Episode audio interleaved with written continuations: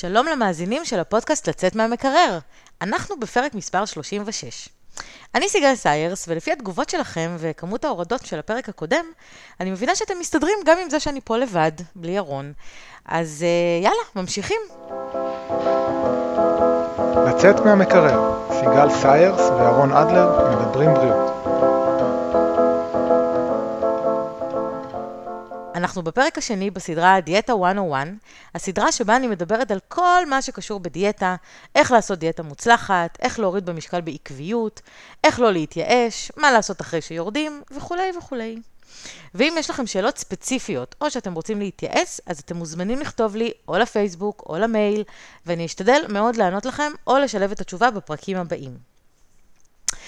אם אתם זוכרים, בפעם שעברה דיברנו על הקפדה ועל התמדה, ועל זה שאלה שני הכללים מבחינתי הכי חשובים, שאם נשמור עליהם, נוכל לצלוח את שלב הירידה במשקל בצורה טובה, יעילה ומהירה. אחרי הפרק קיבלתי שאלות, כצפוי, ובכל מקרה תכננתי לדבר על זה. מה עושים כשבכל זאת, עם כל ההקפדה ועם כל ההתמדה, אנחנו מועדים לפעמים. אז קודם כל, בואו נסתכל רגע על המילה הזאת, מועדים. אף פעם לא הבנתי למה אומרים שאנחנו מועדים לפעמים בדיאטה. הרי למעוד זה פועל שמתאר משהו שקורה במקרה, נכון? בהשאלה מהעולם הפיזי, אנחנו הולכים, הולכים, הולכים, ופתאום מועדים ונופלים. זה משהו שקורה בטעות, לא בכוונה. לעומת זאת, כשאנחנו סוטים מדרך הישר בדיאטה שלנו, זה לא משהו שקורה בטעות. בכל זאת, יש לנו שליטה על הפעולות שלנו, וכל פעולה היא תוצאה של החלטה. אז למה אנחנו קוראים לזה מועדים? אני לא אוהבת להשתמש במילה הזאת, אני חושבת שהמושג הזה משחרר אותנו מאחריות למעשים שלנו. לא נפלנו במקרה על חפיסת שוקולד שהחליקה לנו לתוך הגרון. לא החלקנו על עוגת בננות שהתיישבה לנו בול על הישבן. לא עשינו דברים כאלה בלי לשים לב. כשאנחנו סוטים מהדיאטה, אנחנו לא מועדים. אנחנו מקבלים החלטה לעשות משהו בניגוד לאינטרס שלנו. ליתר דיוק, בניגוד לאינטרס לטווח ארוך שלנו. ב-NLP יש הנחת יסוד שאומרת שבני אדם עושים בכל רגע את הטוב ביותר האפשרי עבורם. במקרה שלנו, האם הטוב ביותר האפשרי עבורנו הוא לאכול שוקולד עכשיו? ההיגיון אומר שלא, נכון? הרי שוקולד ירחיק אותנו מהמטרה שלנו.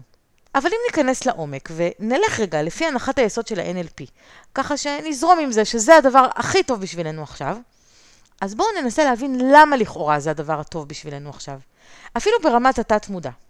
כשאנחנו בדיאטה ובוחרים לאכול שוקולד, כמובן שוקולד זה שם uh, כללי, כן? לכל דבר שהוא לא בדיוק האוכל הכי טוב בשבילנו. אז כשאנחנו בדיאטה ובוחרים לאכול שוקולד, שמנוגד לאינטרסים שלנו לטווח ארוך, מה אנחנו רוצים להשיג כרגע? אולי משעמם לנו ואנחנו רוצים להפיג את השעמום? אולי אנחנו רגילים לנשנש מול הטלוויזיה? אולי משהו ממש עצבן אותנו ואנחנו חייבים להירגע עם איזה משהו בפה? אולי במקרה העין שלנו קלטה את השוקולד הזה כשעשינו קניות, ומאותו רגע הוא לא יצא לנו מהראש עד שנאכל אותו. או שאולי אנחנו באירוע חברתי, שבו כולם אוכלים ואנחנו לא רוצים להרגיש שונים. ואולי פשוט בא לנו משהו טעים. כל אחד מהמצבים האלה הוא איזשהו צורך שאנחנו צריכים למלא כרגע. לכן אנחנו יכולים להתייחס לכך שבאוטומט שלנו אכילת השוקולד היא הדבר הטוב ביותר האפשרי לנו כרגע כדי למלא את הצורך הזה. אם זה כדי להפיג את השעמום, או לנשנש משהו, או סתם לאכול כדי להיות חלק מהחבר'ה. ולמה זה האוטומט שלנו? נו, פה כבר נכנס נושא שלם של אכילה רגשית, שנפתח אותו בהזדמנות אחרת. אבל אני רק אגיד שככה הורגלנו כל החיים. זאת ההתניה שעשו לנו מאז ומתמיד, שאוכל הוא תשובה לחוסר איזון רגשי כלשהו, טוב או רע, והוא התשובה והפתרון לכל דבר. אפשר לשנות את ההתניה הזאת, אבל תצטרכו לחכות לפרק שבו נדבר על זה, ונדבר על זה בהמשך. העניין הוא שאם אנחנו מודעים מראש לזה שנהיה בסיטואציה כזאת, שבה ייווצר לנו צורך שאותו נרצה למלא באמצעות שוקולד, אז אולי נוכל להתכונן אליה מראש, ולהכין לנו מראש פתרון אחר שהוא טוב יותר, שיהיה לנו זמין וגם יהיה בהלימה עם האינטרס לטווח ארוך שלנו. למשל, אם אנחנו יודעים שכשאנחנו יושבים לראות טלוויזיה, באופן אוטומטי אנחנו מחפשים משהו לנשנש. וכן, אני מדברת מניסיון, אצלי תמיד צפייה בטלוויזיה הייתה קשורה לנשנושים, וזה נכון להרבה מאוד אנשים. אז מה נעשה? נפסיק לראות טלוויזיה? פחות סביר. אני לא מוותרת על רגעי הקסם האלה בערב, אחרי יום עבודה, שאפשר להתרווח מול המסך הקטן, וליהנות מקצת אסקפיזם טוב, אני צריכה את זה. אבל אם צפייה בטלוויזיה גורמת לזה שנאכל יותר, אז זה לא שווה את זה. אז איך נוכל להמשיך ליהנות מהצפייה וגם להימנע מנשנוש? אז יש כמה אפשרויות. זה מזכיר לי שלפני כמה שנים שמעתי את אה, ורדה רזיאל ז'קונט, שהיא סיפרה שהיא עשתה החלטה עם עצמה, כל פעם שהיא רואה טלוויזיה, היא הולכת על אה, מסלול הליכה בבית, מין טרדמיל כזה. והיא פשוט קיבלה החלטה. כשהיא צופה בטלוויזיה, היא הולכת על זה. אם לא בא לה ללכת על זה, אז היא לא תצפה בטלוויזיה. זה סוג של uh, מה שהיא רוצה לעשות והמחיר וה, שהיא צריכה לשלם עליו. אז היא יודעת שאם היא רוצה לצפות בטלוויזיה, זה המחיר שהיא צריכה לשלם. ואני חושבת שזה מעולה. זאת אומרת, היא מקשרת בעצם משהו שהיא לא הכי נהנית לעשות, עם משהו שכן, ואז בעצם היא יכולה אה, לגרום לעצמה לאיזושהי מוטיבציה כן לעשות משהו שהיא פחות אוהבת, כי היא קושרת את זה למשהו טוב. אז במקרה שלנו יש כמה אפשרויות. בואו נלך על המצטיינים ביותר. המצטיינים ביותר פשוט יקבלו החלטה. לא אוכלים מול הטלוויזיה, זהו, חוק בל יעבור. רוצים לאכול? במטבח. רוצים לראות טלוויזיה? לא אוכלים שם. אבל למי שקשה לעמוד בחוק הזה, יש עוד דברים שאפשר לעשות. למשל, אפשר להחליף את הנשנושים הפחות מומלצים, כמו פופקורן, פיצוחים, עוגיות ודברים כאלה, בנשנושים בריאים, כמו חופן אגוזים לא כלואים, ירקות חתוכים, אנטיפסטי, דברים כאלה שזה יחסית בסדר. זה לא שזה אידיאלי, כי uh, אני ממליצה לא לאכול בכלל מול הטלוויזיה, כן? בטח לא בשעות הערב. אבל מי שחייב להכניס משהו לפה, עדיף לבחור את האופציה הפחות גרועה. לפחות תכניסו קלוריות שיש להן ערך תזונתי גבוה. מי שכן יכול לוותר על אכילה, אבל בכל זאת חייב להכניס משהו לפה, אני ממליצה מאוד על חליטות. יש חליטות כמו קמומיל, מליסה, פסיפלורה, שהן חליטות מרגיעות. אז טוב לשתות אותן בלילה, לפני השינה. הן עוזרות להירדמות טובה יותר. מי שאין לו בעיה לשתות לפני השינה, כן? מי שלא קם הרבה בלילה לשירותים. זה פתרון טוב. מי שקם בלילה הרבה פעמים לשירותים, אז פחות מומלץ לשתות הרבה בערב. אבל זה למשל פתרון מאוד טוב, כי אנחנו מכניסים בעצם גם נוזלים, גם את הערך שיש בחליטה עצמה, וגם אנחנו לא מכניסים קלוריות של אוכל. על מה אני לא ממליצה בתור פתרון, שפתרון ממש ממש רע בעיניי? זה סוכריות ומסטיקים ללא סוכר, או בכלל, כל מיני נשנושים שמכילים ממתיקים מלאכותיים. יש לנו מין אשליה כזאת שאנחנו יכולים לאכול מהם ללא הגבלה, בלי נזק, כי זה אפס קלוריות, אבל זה לא נכון. הנזק הוא נזק גדול והוא מצטבר. אני אספר לכם סיפור. כשהייתי צעירה יותר, עשיתי דיאטה. כן, יש לי הרבה סיפורים שמתחילים ככה. ואז בדיוק יצא מוצר חדש, מסטיק ללא סוכר בטעם קינמון. זה היה, וואו, לפני איזה 20 שנה. והמסטיק הזה היה ממש ממש טעים, ברמה שהתמכרתי אליו, ממש. הייתי יושבת מול הטלוויזיה ולוקחת אחד אחרי השני. ככה, אתם יודעים, היה נגמר הטעם של הראשון, לוקחת עוד אחד. אחד אחרי השני, ככה הייתי גומרת קופסה שלמה של מסטיקים בשלוות נפש, כי זה לא משמין הרי, ואין לזה קלוריות. ואחרי כמה ימים, התחלתי להרגיש כאבים איומים בבטן. מה זה איומים? ברמה של אפנדיצית. באמת, הגעתי לבית חולים, ואף אחד לא הבין ממה זה, גם אני לא, לא קישרתי. ואחרי כמה זמן זה עבר, ועוד פעם המשכתי עם המסטיקים האלה, ואחרי כמה ימים שוב התקפה של כאבים. בסוף מי שקישר היה אימא שלי. אימא שלי קישרה בין הדברים, והבינה שזה כנראה מהמסטיקים האלה. בכלל, אימא שלי תמיד הייתה אומרת לי לא לאכול את כל הדברים הממתיקים המלאכותיים, לא לשתות את כל הדיאט קולה, אבל הייתי צעירה, וכשצעירים מי מקשיב לאימא, נכון? אז הייתי אוכלת את הדברים האלה ממש בכמויות כשהייתי קטנה. כמה שאני מתחרטת על זה עכשיו. ובכל מקרה, אז אה, אה, היא הבינה שזה קשור כנראה למסטיקים האלה, ובלב כבד הפסקתי איתם, באמת, זה היה לי ממש טעים. ובאורח פלא, הכאבים הפסיקו, ולא חזרו יותר. זהו, פשוט נעלמו. ואז, בשיחות שהיו לי עם חברות אחרי כמה זמן, גיליתי שעוד בנות חוו בדיוק את אותו דבר. ומסתבר שזה גם היה מאותה סיבה. ממש התחלתי לשאול בנות שסיפרו לי על הכאבים האלה, אם הן התחילו לאכול את המסטיקים האלה בטעם קינמון. ובאמת אף אחת לא הבינה שיש קשר בין הדברים, ואז סיפרתי מה קרה לי, וככה הן גם הפסיקו והצליחו להתגבר על הכאבים האלה, ובאמת, אה, אני מרגישה שכבר אז הצלתי כמה בנות מהכאבים הנוראיים האלה, רק בגלל שאני עברתי את זה בעצמי והבנתי את הקשר. ואז לאחר כמה זמן, המסטיקים האלה פשוט נעלמו מהמדפים. אני בטוחה שיש ביניכם בין המאזינים, בטח הרבה כאלה שיודעים בדיוק על מה אני מדברת וזוכרים את המסטיקים האלה. אני לא אציין את שם החברה, כן, אבל היו, אה, היה רק סוג אחד של מסטיקים כאלה והם פשוט נעלמו. אז יכול להיות שבאמת גילו שכנראה משהו שם לא היה לגמרי בסדר, ויכול להיות שבאמת התופעה הזאת של הכאבים כתוצאה מזה, אה, היא הגיעה לממדים גדולים. אז הנה דוגמה אישית, למה לא כדאי להשתמש בתחליפים עם ממתיקים מלאכותיים בכמות גדולה ולאורך זמן. דרך אגב, זה לא קורה רק עם המסטיקים הספציפיים האלה, זה קורה בכלל עם ממתיקים מלאכותיים, אוקיי? יש כל מיני סוגים, אנשים רגישים לדברים האלה, והם עושים לנו באמת אה, מאוד מאוד מאוד רע למערכת העיכול. מי ששמע את הפרקים הקודמים, אז אה, דיברתי על זה כבר הרבה, די בהרחבה, אז אתם מוזמנים לחזור אחורה, אבל זה באמת באמת לא מומלץ. אה, בואו ניקח עוד דוגמה, אוקיי? למצב שבו הסכנה ידועה מראש. זאת אומרת שאנחנו יודעים שאנחנו נכנסים לאיזו סיטואציה שנרצה לאכול, ואנחנו מעדיפים שלא. אז נניח שאנחנו מוזמנים לאירוע, שבו צפוי להיות אוכל מהסוג שאנחנו מעדיפים להימנע ממנו בדיאטה. יש פה כמה רבדים. ברובד הראשון, אנחנו צריכים להימנע מאוכל שאולי בא לנו לאכול ואנחנו אוהבים. כלומר, אנחנו צריכים להימנע מהפיתוי. אז זאת איזושהי עבודה עצמית שאנחנו צריכים לעשות עלינו. ברובד השני, אנחנו רוצים עדיין להרגיש בנוח בסיטואציה שבה אנשים אוכלים סביבנו ואנחנו לא. אז יש פה גם איזשהו קטע חברתי. נכון, אוכל הוא דבר נורא חברתי, אנחנו נפגשים עם אנשים, בדרך כלל, על אוכל, במסיבה, במסעדה, בכל מיני מקומות אה, שיש אוכל וזה איזשהו מכנה משותף אה, אה, רחב בין כולנו. אז מה אני עושה במצב כזה? קודם כל, אני לעצמי צריכה להשיג שליטה עצמית. וכדי להשיג שליטה עצמית, אסור לי להגיע רעבה לאירוע. ואני באמת מדברת פה עליי, על עצמי, אבל זה נכון לגבי כל מי שבסיטואציה הזאת. תתפלאו כמה רעב גורם לאוכל להיות הרבה יותר מפתה והרבה יותר טעים. יש משפט שאומר שרעב הוא התבלין הטוב ביותר. תחשבו, כשאתם רעבים, האוכל הרבה יותר טעים. גם דברים שאתם פחות אוהבים לאכול, פתאום יותר טעימים לכם כי אתם רעבים. אז לפני שאני מגיעה לאירוע עם אוכל שאני לא רוצה לאכול, אני פשוט אוכלת בבית. כן?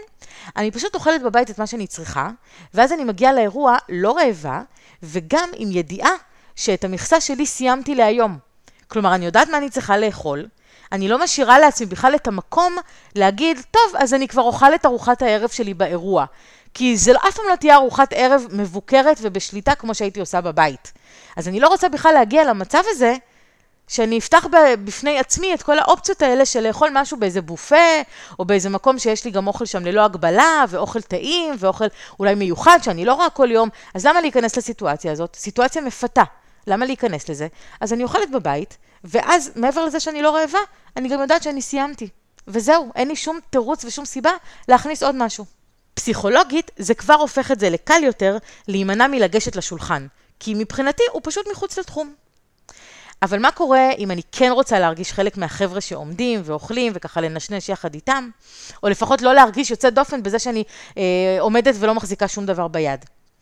אז אני אוכלת בבית, ואני שבעה בבית, ובאירוע אני לוקחת צלחת עם ירקות, או סלט, או ירקות אפויים, או משהו בסגנון הזה, ואני פשוט עומדת עם הצלחת, ומדי פעם לוקחת איזה ביסון קטן וזהו. כלומר, באמת, במצטבר זה לא יוצא יותר מזה באמת כמה חתיכות של ירק. זה לא עושה נזק, אבל אני מדי פעם מנשנשת איזה משהו. או שאני עומדת עם כוס מים או כוס סודה ושותה. העיקר שיהיה לי משהו ביד, אוקיי? שאני לא ארגיש שאני עומדת בלי כלום וכולם שם אה, עומדים ואוכלים. מה האופציה פחות טובה בסיטואציה הזאת? להגיע רעבה ולהחליט שאני אוכלת רק ירקות או סלט. זה אף פעם לא עובד. אתם מכירים את החוכמולוגים האלה, שגם אני פעם הייתי ככה, שהייתי אומרת, טוב, אוקיי, נשארה לי ארוחת ערב, אז uh, אני אגיע לשם ואני כבר אוכל רק את ה, כמה ירקות עם uh, אולי קצת טחינה וזה, ואני אסגור את הפינה הזאת. אז זה לא עובד. ברגע שניגשים לשולחן רעבים, ורואים את כל המגוון ואת כל המבחר, כל ההתנגדות שלנו מתפוגגת. ממש, אנחנו פשוט לא יכולים לעמוד בפני זה. אז למה להכניס את עצמנו לסיטואציה הזאת? פשוט לא להגיע רעבים. רוצים עוד דוגמה? יאללה, בואו ניקח את הדוגמה הכי יומיומית, ולדעתי גם הכי קשה. אנחנו בבית, ובא לנו משהו טעים. למה זה קשה? פה אנחנו נמצאים במאבק עם עצמנו. לפעמים אנחנו חושבים על משהו טעים, וזה פשוט לא יוצא לנו מהראש. אנחנו מנסים לעשות דברים אחרים, מנסים לחשוב על דברים אחרים, אבל זה לא מפסיק לנדנד. מה עושים? אז גם פה יש כל מיני אפשרויות, וזה תלוי בבן אדם ובסיטואציה. לכל אחד מאיתנו יש משהו שאנחנו יודעים שגורם לנו לאבד תחושת זמן ולשכוח את עצמנו, לשקוע בעשייה. אצלי למשל, כשאני מתיישבת מול המחשב לחמש דקות, רק לעשות משהו קטן, אני יכולה לקום אחרי שלוש שעות ולא לשים לב שעבר כל כך הרבה זמן. יש אנשים שרשתות חברתיות עושות להם את זה, לאחרים ספר טוב עושה את זה. כל אחד ומה ש... שגורם לו לשקוע בזה ו... ולא לשים לב שהזמן עובר. הזמן הכי קשה בשבילי להתגבר על הצורך במשהו טעים זה אחרי ארוחת צהריים. אז הכי בא לי. אם אני לא אוכלת איזה קינוח קטן או משהו מתוק, זה חסר לי. לא כי באמת יש לי צורך פיזיולוגי בזה. זה לא נכון שאנחנו צריכים משהו מתוק אחרי הארוחה. זה פשוט הרגל שאספנו במשך החיים, כי זאת התרבות שלנו. אבל כשאני בתהליך ירידה במשקל, אני לא רוצה לאכול את הקינוח הזה, כי זה יקטין לי את הגירעון הקלורי שדיברנו עליו בפרק הקודם, וייתן לי קלוריות ריקות ללא ערך תזונתי שחבל לי להכניס לגוף. ובינינו, זה לא משהו שאני צריכה לנפש, זה סתם חשק קטן, ואני יכולה לשלוט עליו. אז איך אני שולטת עליו?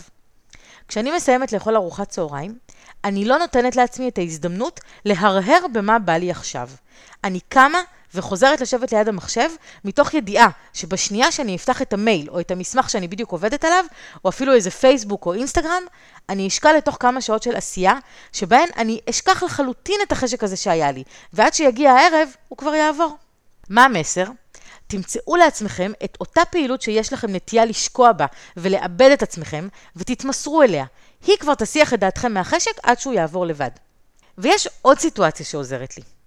הבת שלי לירי, עוד מעט בת ארבע, ומאוד חשוב לי שהיא תתרגל לאכול נכון ובריא.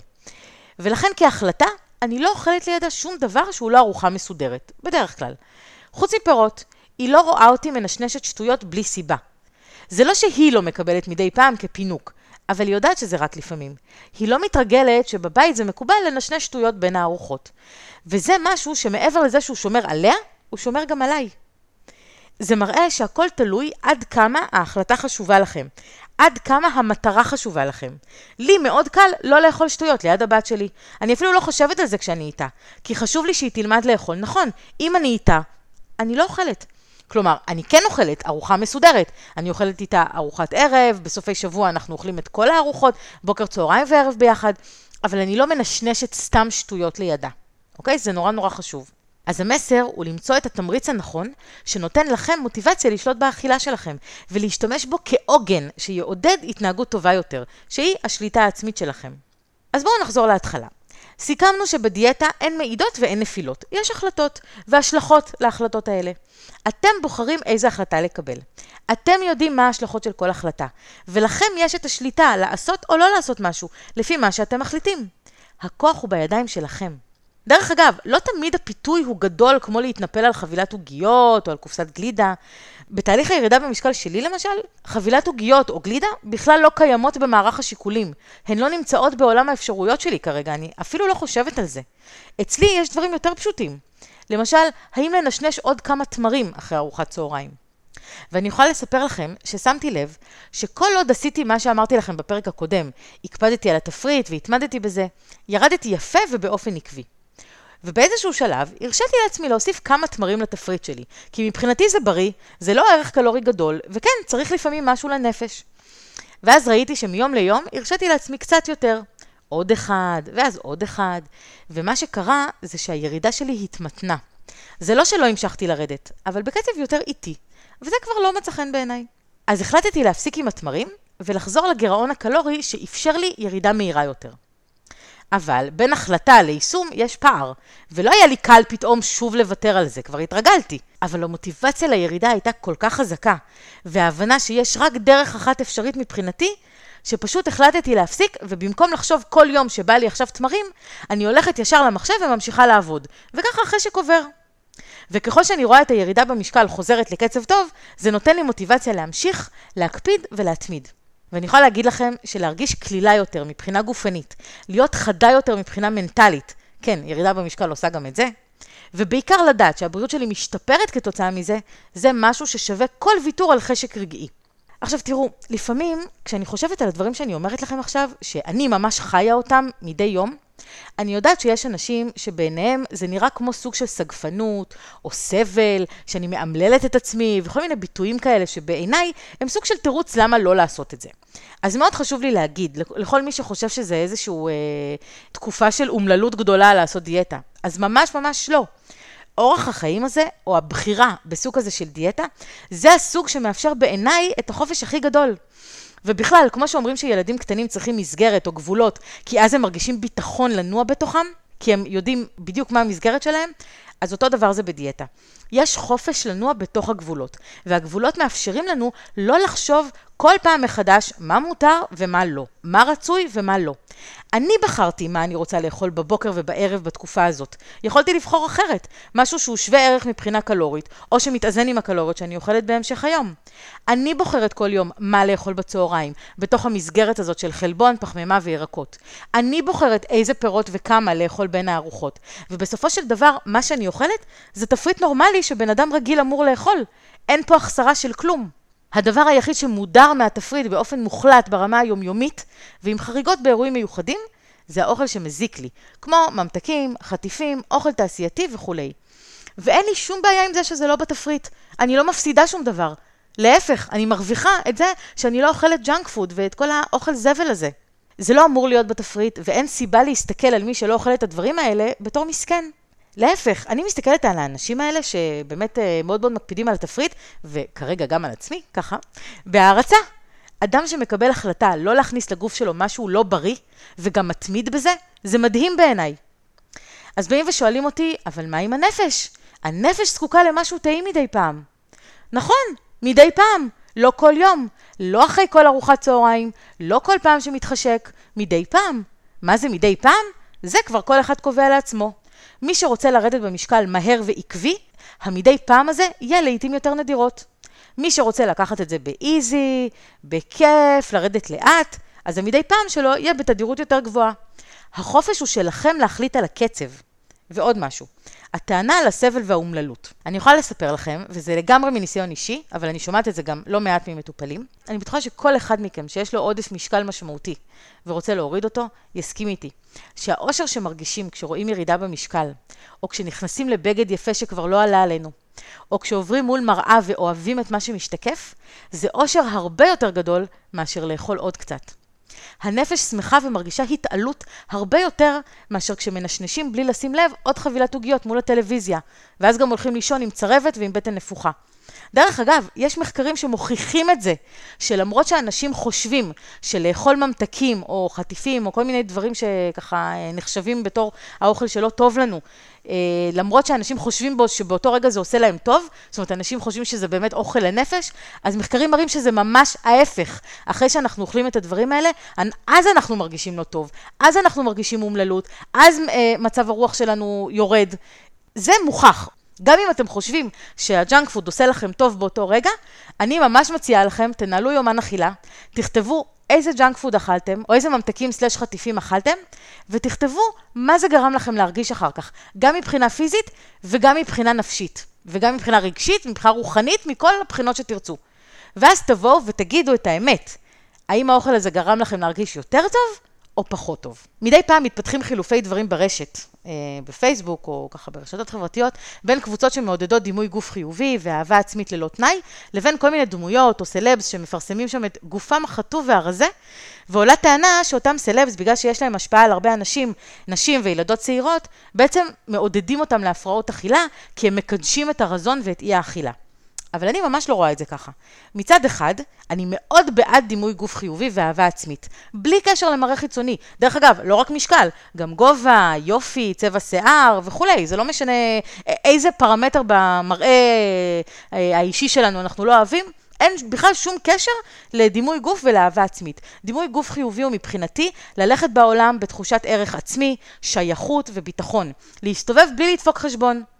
אני אתן לכם דוגמה. אני למשל, עוד לא במשקל שאני רוצה להגיע אליו. יש לי עוד דרך עד אליו. אבל אתמול היינו בבריכה. הסתובבתי עם בגד ים, בלי מגבת שכיסתה אותי, ובלי ישר לשים עליי חולצה איך שיצאתי מהמים. ממש לא. שמתי בגד ים ונהניתי לי בבריכה, ולא חשבתי בכלל אם זה מזיז למישהו. ואתם יודעים מה? אני בטוחה במאה אחוז שאף אחד לא יסתכל עליי מוזר. וגם אם היה מישהו כזה, אין לי מושג, כי אני לא הסתכלתי על אף אחד אחר. הייתי עסוקה בענייניי, שזה בעיקר לדאוג שהבת שלי תהנה, וזהו, לא היה פה בכלל אישו. זה דימוי גוף חיובי בעיניי, ואין לזה שום קשר לעובדה שאני רוצה לרדת במשקל, כי אני מעדיפה את עצמי ככה. זה אפשרי גם לאהוב את עצמנו, וגם לרצות לשנות בעצמנו דברים שדורשים שיפור לדעתנו ולטעמנו. אין פה סתירה. אני לא מדברת כרגע על אנשים שמרגישים שהם צריכים לעשות שינוי בגלל שמישהו אחר חושב שהם צריכים לעשות שינוי. זה כרגע לא הנושא פה. אולי ניגע בזה באיזה פרק בהמשך, אבל זה בכלל לא הנושא. הנושא פה הוא שאתם, אנחנו, צריכים לאהוב את עצמנו כמו שאנחנו, בלי קשר לאיך שאנחנו נראים, ולו בגלל האנשים שאנחנו. אני אתן לכם עוד דוגמה. לפני כמה שבועות היינו בבריכה עם חברים, והם צילמו מכל זווית אפשרית את הילדים בתוך המים. עכשיו, אני, שהייתי בתוך המים ושיחקתי עם הילדים, גם צולמתי לבוק בגדי ים, וגיליתי את זה רק אחר כך כשהם שלחו את התמונות. סיגל של לפני 20 שנה בערך, הייתה מבקשת למחוק מיד את כל התמונות שלי, ואם עוד הייתי שמה לב לזה כשהייתי בבריכה, הייתי מנסה לא להיכנס בכלל לפריים ולהתחמק מהתמונות. היום, להפך, אהבתי את התמונות, למרות שרותם סלע אני עדיין לא, בדרך, אבל עדיין לא, ואין לי שום בעיה שבאיזושהי מצלמה, באיזשהו בית, יש תמונות שלי בבגד ים. So what? אז זה דימוי גוף חיובי. מה זה עוד דימוי גוף חיובי? לאהוב את הגוף שלך, או שלך, כל כך, שתרצו להכניס לתוכו רק אוכל טוב, אוכל מזין, מזון איכותי, כמות שתגרום לכם להרגיש טוב אחרי הארוחה, שתביא אתכם למשקל הבריא והנוח לכם, לעשות את מה שהכי טוב בשביל הגוף שלכם. אנחנו נעשה פרק על דימוי גוף ואהבה עצמית, זה יהיה פרק נפרד, אני קצת סטיתי פה מהנושא, כי זה נושא שבאמת הוא מאוד חשוב לי ואני ממש אה, ארצה לדבר על זה באריכות, אז אנחנו נעשה על זה פרק, אבל uh, אני רוצה לחזור לנושא של השליטה העצמית. לא תמיד נוח וקל לעשות את מה שהכי טוב ונכון עבורנו. לחסוך כסף לעתיד, לעומת לבזבז הכל כאן ועכשיו, לא כזה קל ונוח. לעשות ספורט כדי להיות בריא, לא כזה קל ונוח. לגדל ילדים כדי שתהיה לנו משפחה גדולה, לא תמיד כזה קל ונוח. אבל אנחנו עושים את הדברים האלה כי אם נתמיד, בטווח הארוך יהיה לנו יותר טוב, ובשביל זה צריך שליטה עצמית. לא כי מישהו אמר לנו שאנחנו צריכים לעשות משהו, כי אנחנו רוצים להשיג משהו עבור עצמנו, ואנחנו צריכים להתאמץ עכשיו בשביל התוצאות שיגיעו בעתיד. ומה כיף בדיאטה? שלמרות שאת התוצאה הסופית נראה רק בעוד כמה זמן, אנחנו רואים תוצאות קטנות כל יום. אם מתמידים, רואים את המשקל הולך ויורד בהדרגה, וזה הבוסט למוטיבציה הכי גדול. אני רוצה להגיד לכם שמאז שאני התחלתי את הדיאטה שלי, שזה היה ב-1 במאי, כמעט שלושה חודשים, כל שבוע אני רואה ירידה במשקל. כל שבוע. עוד לא היה לי אפילו שבוע אחד שעצרתי, או שלא ירדתי, או שעליתי. עוד לא היה שבוע אחד שלא ראיתי בו ירידה. זו הייתה יכולה להיות ירידה של 2 קילו, וזו הייתה יכולה להיות ירידה של 300 גרם, זה לא משנה. אבל תמיד תמיד הייתה ירידה. וזה מה שכיף, שאם מתמידים ומקפידים, כמו שדיברנו בפרק הקודם, אז אנחנו כל הזמן רואים את התוצאות. יותר קטנות, יותר גדולות, אבל כל הזמן יש תוצאה, ואנחנו רואים שהמגמה היא כל הזמן בכיוון הנכון. כשאני רוצה להימנע מלאכול משהו מיותר או להתגבר על החשק, אני מזכירה לעצמי את הירידה האחרונה שראיתי במשקל, ואיזה כיף זה יהיה לראות את זה שוב. וזה עושה את העבודה. אז אני מקווה שנתתי לכם כמה דברים לחשוב עליהם, כמה טיפים להתמודדות עם סיטואציות קשות בדיאטה, וכמה רעיונות לעבור את המצבים האלה בשלום. אני מקווה גם שהבנתם שלרצות להגיע למשקל הנכון והבריא שלנו, זה לא סותר דימוי גוף חיובי ואהבה עצמית, אלא להפך. ותמיד תזכרו שהצלחה מביאה עוד הצלחה. תתחילו להצליח ותראו שלא תרצו להפסיק. האמת, זה די ממכר. ואני הרבה יותר מעדיפה להתמכר לאוכל נכון, לאוכל בריא, לכמויות נורמליות של אוכל, מאשר להתמכר לממתקים ולשטויות. בפרקים הבאים נדבר על איך אנחנו חוזרים לעצמנו אחרי שסטינו מהדיאטה, לא דבר קל, איך מתקנים מהר את הנזק שנעשה ולא ממשיכים להידרדר, ואיך שוב מגבירים קצב אחרי שהוא מתמתן. סקרנים? חכו לפרק 37. אם נהניתם מהפודקאסט ואתם מקבלים ערך וזה באמת עוזר לכם בחיים, אז uh, אנא, דרגו אותנו, דרגו אותנו באפליקציות השונות, תנו לנו ציון חמש כזה מושלם ויפה, מי שבא לו להגיב ולהיות מצטיין, אז נשמח. יאללה, לכו תקפידו, תתמידו ותשלטו על עצמכם. ושיהיה לכם בהצלחה. אין באמור בפרק משום ייעוץ או המלצה רפואית כלשהם, והמידע אינו בא להחליף בדיקה וייעוץ אישי על ידי רופא, מטפל מוסמך או טיפול תרופתי.